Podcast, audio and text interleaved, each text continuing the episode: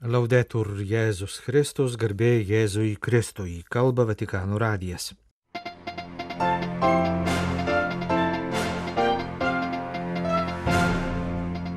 Šioje laidoje dar grįšime prie pirmadienį vykusio popiežiaus Pranciškaus susitikimo su vaikais. Artimųjų rytų krikščionys meldžiasi už gazos krikščionys. Judėjimo bendrystė ir įsilaisvinimas interneto svetainėje paskelbtas straipsnis apie šio judėjimo 30-mečio Lietuvoje minėjimą. Pokalbis su nuncijumi Ukrainoje, arkivyskupu Visvaldu Kulboku, kuris šiomis dienomis yra Romoje.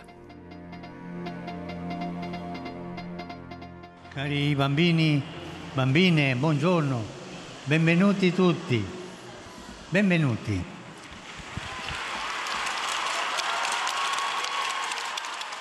Mėly berniukai ir mergaitės, sveiki atvykę, ačiū iš širdies visiems, kad čia susirinkote.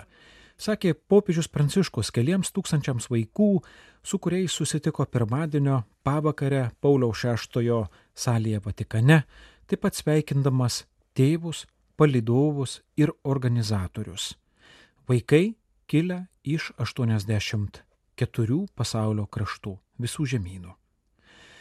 Jis priminė susitikimo temą - mokykimės iš berniukų ir mergaičių. Reikia mokytis iš jų. Galima ar negalima iš jūsų ko nors išmokti, klausė Pranciškus, laukdamas triukšmingo atsakymo, jog taip. Anot popiežiaus susitikdamas su vaikais jis visada jaučiasi laimingas. Kas kart išmokote mane ko nors naują. Man primenate, pavyzdžiui, koks gražus yra gyvenimo paprastumas ir kaip gera būti kartu. Tai dvi didžiulės dovanos, pažymėjo šventasis tėvas. Popiežius pakvietė vaikus kartu su juo garsiai skanduoti. Dono. Gyvenimas yra dovana. Gyvenimas yra dovana.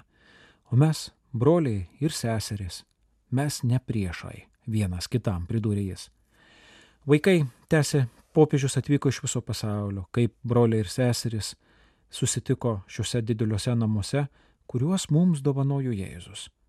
Tai bažnyčios šeima, kurioje viešpats priima visus švelniai apkabindamas.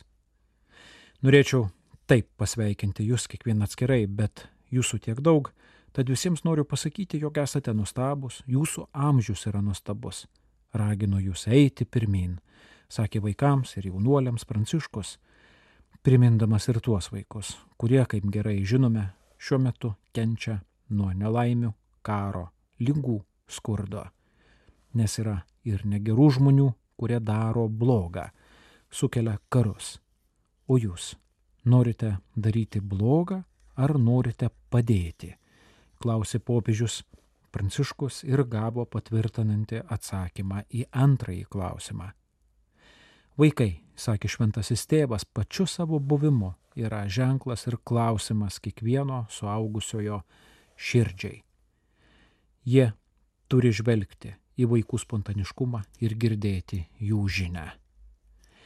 Po įžanginio popiežiaus pranciškaus žodžio ir pasveikinimo jo vaikų bei jaunuolių susitikimas tęsiasi klausimų ir atsakymų forma. Di Isidora, 9 anni dal Brasile. Olá, Papa Francisco. Ciao Papa Eu Francesco. sou, eu sou Ar vaikai galės išgelbėti žemę? Klausė devyniarių metų amžiaus Izidora iš Brazilijos. Vaikai paprastai, bet iš esmės supranta, jog greuti planetą, kuri mums teikia viską, ko reikia gyvenimui, pradedant nuo oro, tai greuti jų ir mūsų pačių gyvenimą. Todėl visi turime saugoti savo žemę, pažymėjo popiežius. Palestinietiškų šaknų mergaitė Ranyje 12 metų amžiaus klausė, ar vėl artinamės prie pasaulinio karo, tolstame nuo taikos. Karo žydiniai vieni matomi labiau, kiti mažiau liepsnoja visame pasaulyje. Pasaulis išgyvena karo dalimis ir matome, koks baisus yra karas. Tada taip pat suprantame, kokia graži yra taika, pažymėjo Pranciškus. Jis pakvietė visus vaikus akimirkai nutilti ir galvoti apie Ranijos žemę. Tchau, Papa. Io sono Ivan e sono ucraino, ma tu ci puoi spiegare come si fa la pace? Kaip kurti taiką? klausė devynerių metų amžiaus Ivanas iš Ukrainos. Anot Pranciškaus tai sunkus klausimas, į kurį nėra lengvo atsakymo.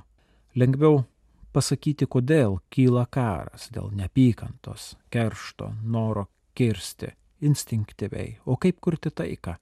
Kiekvienas te pagalvoja tyloje, o jis gali pridurti, jog taikai reikia širdies ir ištiestos rankos.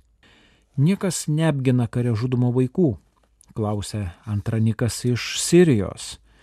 Vaikų kitų nekaltų žmonių, ne vien kareivių žutis, sakė popiežius, iš tiesų atskleidžia karo piktumą ir žiaurumą. Pranciškus vėl pakvietė visus tyloje pagalvoti apie kare žūstančius vaikus. Kažkas karą sukelia, o jie sumoka šios kruvinos putos kainą. Pranciškus pakvietė sukalbėti tėvę mūsų maldą už visus žuvusius vaikus. Dvylikametė Paulina iš Kongo klausė, kas popiežiui svarbiausia gyvenime. Jam sunku išrinkti vieną atsakymą, pripažino Pranciškus, nes jo gyvenime būta, yra daug svarbių dalykų. Tačiau jis gali patarti dažnai pagalvoti ir atsiminti laimingus gyvenimo momentus, o nelaimingus visi tokių esame patyrę patraukti į šoną. Sofija iš Filipinų, 9 metų amžiaus, klausė, kaip Pranciškus nusiramina po to, kai supyksta. Kartais iš ties supyksta, bet nesikandžioja juokise šventasis tėvas. Taip pat gali pakartoti naudingą patarimą, kurį pats girdėjo būdamas vaiko. Kai supyksti ir nori ką nors atsakyti, prieš tai išgerk vandens stiklinę. Tai padeda nesikandžioti. Klausimus taip pat uždavė Chrisas iš Haičio, Driu iš Australijos, Salma iš Ganos, Celeste iš Peru, Luxelė iš Afrikos. Abbiamo parlato di tante cose belle, ma uno, la cosa più bella che tocca al cuore di voi è la pace. Susitikimo pabaigoje Pranciškus dar kartą pakartojo, jog taika yra vienas iš gražiausių dalykų, apie kuriuos jie kalbėjosi, pakvietė vienas kitam ištiesti ir paspausti ranką, taiko ženklą. Prieš palaiminimą kvietė sukalbėti sveika Marija maldą, o palaiminimo metu mintimis susisieti su savo šeima ir su tais, su kuriais nori dalinti šiuo palaiminimu. Prieš beveik 70 metų Italijoje įkurtas katalikų judėjimas Bendrystė ir išsilaisvinimas paminėjo savo veiklos Lietuvoje 30 metų sukakti. Apie tai prieš kelias dienas buvo rašoma judėjimo interneto svetainėje. Spalio 14 dieną Vilniuje susitiko apie 70 draugų būrys, kai kurie nematyti ilgus metus. Dalyvavo ir keli italai - Roberto, kuris kartu su Mauricijo 1993 metais pradėjo judėjimo veiklą Lietuvoje, Darijo ir Titi bei lietuviai gyvenantis kitose šalise. Iškilmingas mišes aukojo paštalinis nuncijus arkivyskupas Peteras Rajičius. Vėliau prasidėjo šventė, kur video įrašų, dainų, žaidimų pavydalu buvo peržvelgta visa bendruomenės istorija. Iš įvairių šalių pasiekė vaizdo ir garso sveikinimai siūsti judėjimo bičiulių, kuriems susitikimas su bendruomenė perkeitė gyvenimą. Judėjimo narė Lietuvė Kristina pasakoja, kad bėgant metams ji vis labiau suvokia, koks brangus dalykas jos gyvenime yra šis judėjimas, kokiu pokyčiu jos viduje jis sukėlė. Supratau, kad bendruomeninis gyvenimas man yra apčiopiamas gėris, sako ji, pridurdama, kad tai padeda jai įveikti ribotumus, atverti širdį, namus.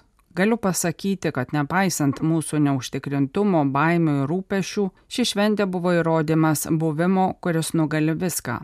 Italai Darijo ir Titi grįžę po šventės parašė Kristinai, kad minėdami 30 metų santokos jie norėjo išvykti į kitą kelionę, tačiau prieėmė kvietimą dalyvauti šventėje Vilniuje, kad susitiktų su Kristina ir šis apsilankimas juos apdovanojo puikiais surprizais. Jie, kaip ir kiti dalyviai, paliudijo, kad galiausiai tai buvo ne tik 30 veiklos metų šventė, bet dėkojimas už susitikimą, už jausmą, kad esi bendruomenės, tų žmonių dalimi, rašoma judėjimo interneto svetainėje clonline.org.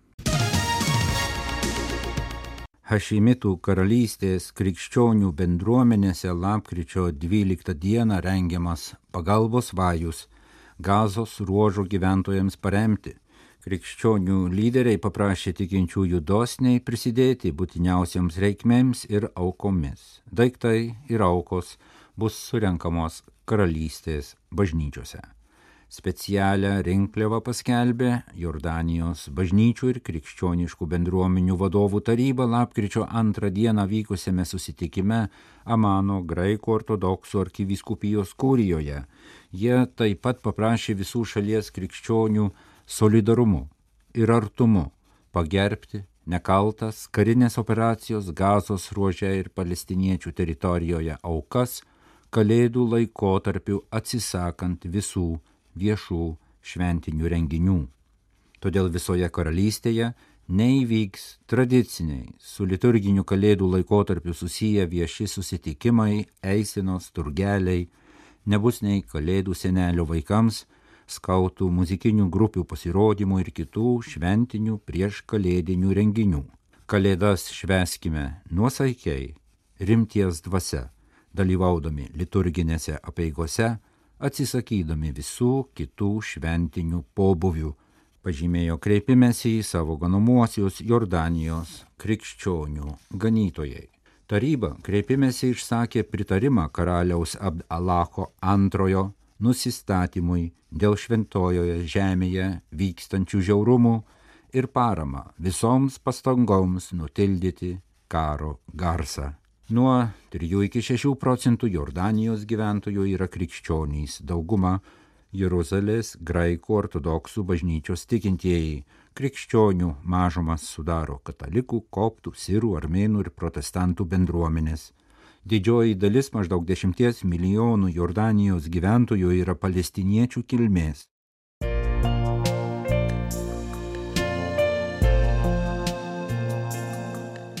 Jūs klausotės Vatikano radio.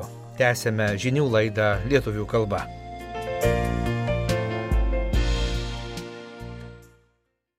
Apaštališkasis nuncijus Ukrainoje, arkivyskupas Visvaldas Kulbokas, šiomis dienomis yra Romoje.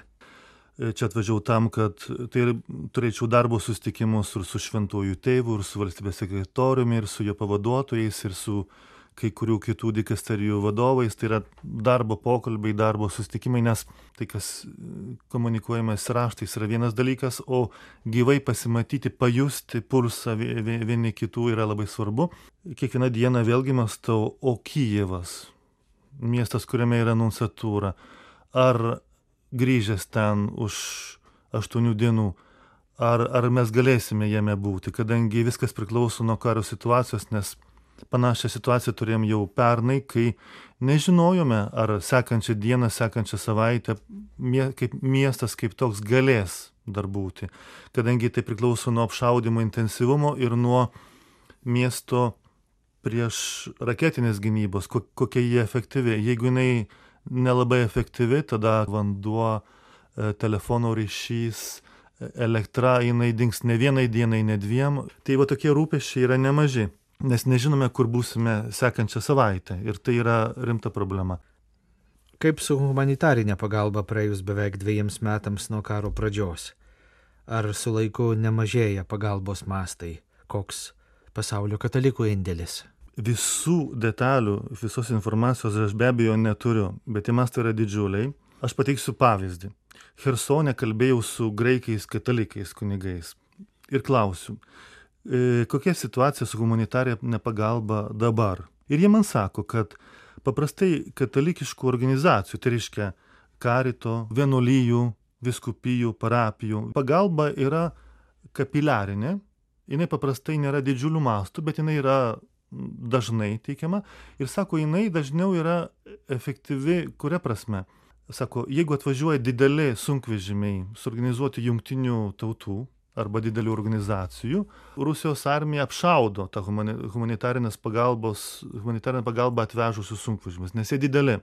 Sako, paprastai katalikiškos organizacijos naudoja ten parapijos, savo kunigą, savo mašiną, autobusiuką. Paprastai tai yra mažesni mastai, Sako, ir mes tada nebijome eiti pasimti tokios mažos humanitarinės pagalbos. Ta parapija, jinai irgi, e, graikų katalikų parapija Hersonai, jinai tampa redistributorė humanitarinės pagalbos.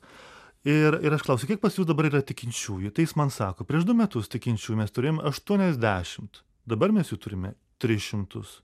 Iškai mieste gyventojų sumažėjo 15 kartų, o parapija išaugo 4 kartus, kadangi tai yra aktyvi parapija humanitariniai pagalbai. Ir tai liečia ir Harkovą, Zaporožės regioną, Hersono regioną, Odesos ir, Kijevą. Karas trunka jau beveik dviejus metus ir nesimato jo greitos pabaigos. Kaip ištverti, kaip neprarasti vilties? Galbūt nesakyčiau, kad tai yra vilties praradimas, bet be abejo nuovargio yra daug nes yra labai daug rūpešių. Karo perspektyvų tikrai numatyti yra labai sunku, tai, tai vėlgi pagrindinė yra tikrai malda. Žinau, kad malda yra ne mano, bet yra visų ir mes visi, visi maldoje dalyvaujame. Ir čia įdėsiu vieną pavyzdį. Pučioje prie Kievo gyvena vienas lietuviškos kilmės savanoris. Man pasakojo, ką jis veikia 22 metais vasario pabaigoje ir kovo mėnesį, kai Bučia ir šalia esantis kaimeliai buvo okupuoti. Ir jis man papasakojo, kaip jis iš tų kaimelių ir miestelių evakuavo, išvežė 270 žmonių. Žmogiškų žvilgsnių tai neįmanomas dalykas. O jis man, paprastas žmogus, jis man sako, aš su malda tai padariau. Ant tokių liūdėjimų, ant tokių faktų ir laikosi Ukraina ant mažų ir didelių stebuklų. Logiškai imant, pradėjus tokį karą, kuriame žučių ir civilių, ir kariškių yra tikrai daugybė. Ne, nedrįsiu įvardinti skaičių, bet tikrai tai yra ne vienas šimtas tūkstančių gyvybių.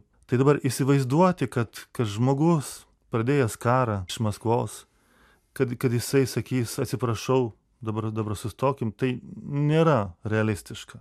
Tai dėl to, žiūrėdamas į akis tokiai tikroviai, tokiai realybei, aš tikiu, kad vis dėlto svarbiausias ginklas yra malda, nes tada maldos, maldoje išprašome, kad viešpas savo nežinomais keliais, jisai sutvarko tos neįsprendžiamus dalykus, apsaugo mus nuo tokio pikto, kurį, kurį nežinome patys kaip įspręsti. Kai daugiau nei prieš dviejus metus buvote skiriamas nuncijumi į Ukrainą, padėtis jau buvo gana įtempta, bet vis dėlto buvo tikimas išvengti tokio masto karo.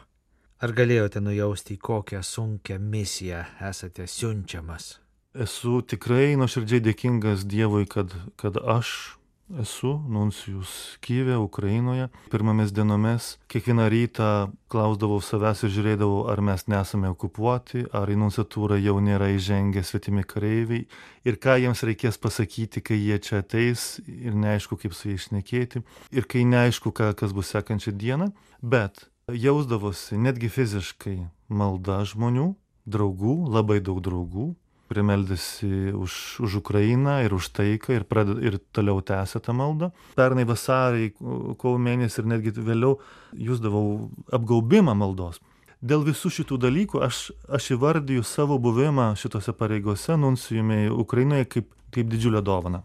Kalbėjome su apaštališkoju nuncijumi Ukrainoje arkivyskupu Visvaldu Kulboku.